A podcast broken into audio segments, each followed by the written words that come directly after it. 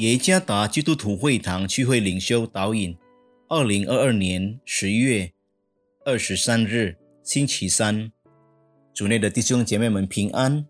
今天的领袖导引，我们要借着圣经约伯记二章十节来思想今天的主题：珍贵的感恩。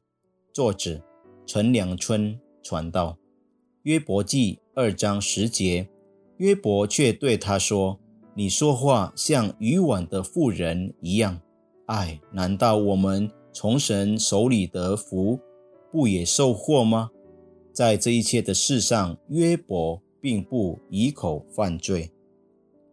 在道路不通畅的日子，我们容易变得灰心绝望、不满和抱怨。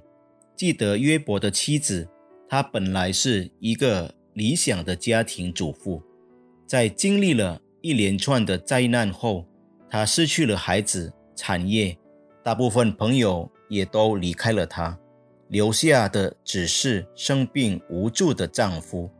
约伯的妻子享受了一段安乐舒适的生活，眨眼之间失去了这一切。或许过去所曾拥有的一切也不再重得。这一连串发生的事件。并没有让约伯的妻子醒悟，反而引来了他的愤怒、绝望、埋怨和对神的不满。在今天的灵修经文中，我们可以看到约伯对他在绝望当中想要与神对抗的妻子之反应。约伯仍然对神忠诚，在这一切的事上，约伯并不犯罪。约伯所经历的苦难，给信徒带来。各层面新的意义，改变信徒的人生观。在我们的人生旅途，有的时候，神也让不易相处的人与我们相处愉快。他们的出现实际上并不是我们生命成长的障碍。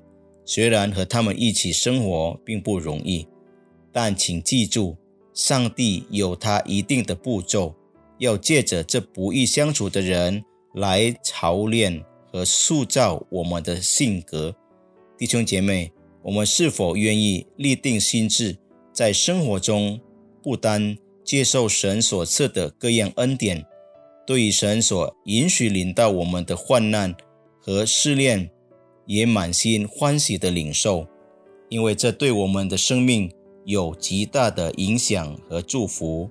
神的眷顾常叫我们感到惊讶。发出怨叹之后的感恩是何等宝贵！愿上帝赐福弟兄姐妹们。